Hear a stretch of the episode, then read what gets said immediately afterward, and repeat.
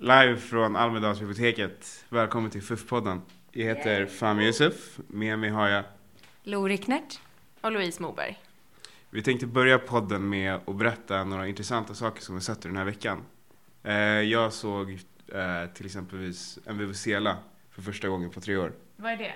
Om ni, det är ett slags trumpetliknande objekt som eh, fans brukar ha på fotbollsmatcher. Har någon av er sett något eh, sjukt under veckan? Ja men jag har. Ehm, jag har sett många jätteintressanta märkliga tekniska lösningar. Typ att jättemånga på Almedalen kan testa såna här VR-glasögon. Du vet sådana som man kan se så här virtual reality. Ja. Och även jättemånga finansbörshajar på segway. Har jag sett. alltså extremt många. Du då? Ja, eh, nej, men jag har väl reagerat på att det är så dåligt om återvinning. Förlåt för att jag är så tråkig och klagar över det här. Men dels det, men också köttkonsumtionen som jag tycker har varit eh, under all kritik. Eh, bland annat med en eh, budfirma som inte bör nämnas vid namn.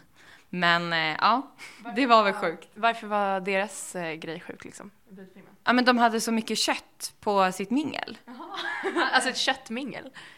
Ja, och då menar jag inte bara så här köttmarknad som i mellan människor, utan det de faktiskt åt. Sjukt. Ja.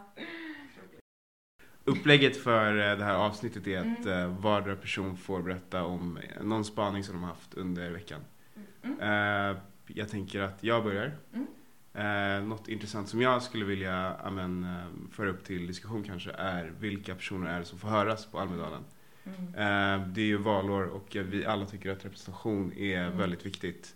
Eh, tar man en Eller alla säger att de tycker det Ja, ah, exakt. Eh, tar man en promenad runt torget så ser man ju liksom vilka aktörer det är som har mest yta.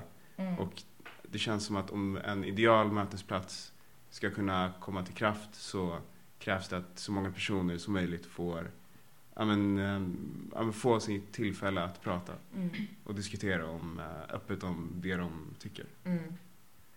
Vad tycker ni?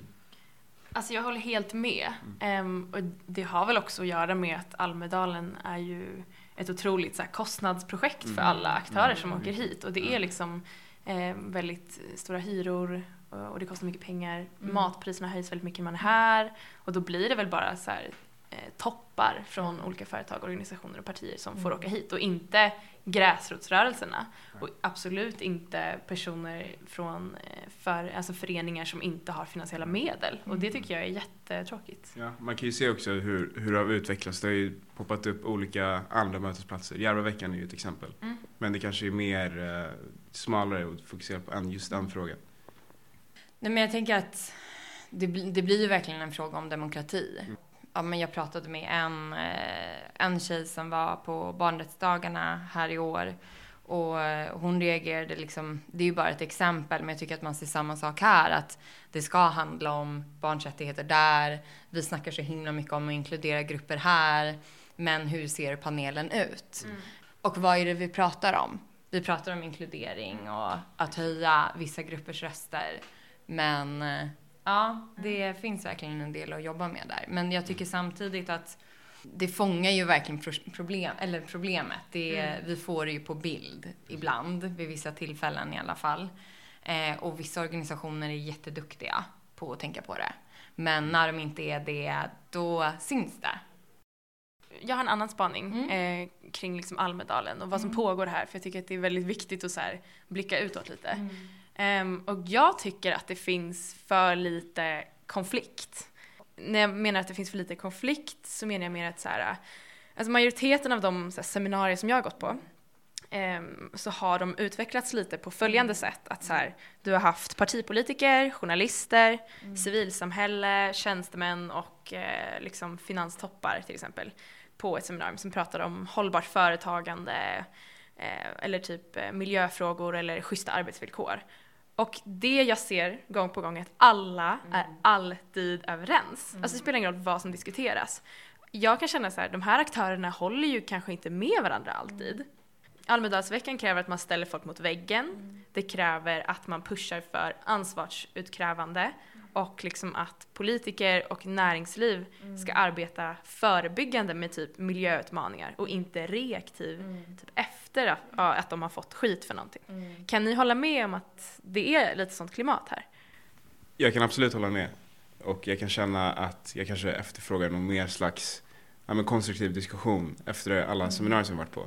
Men jag kan å andra sidan även se att det finns en viss positivitet till att ja, men, debatten är inte lika hård som den kanske är på olika arenor och forum.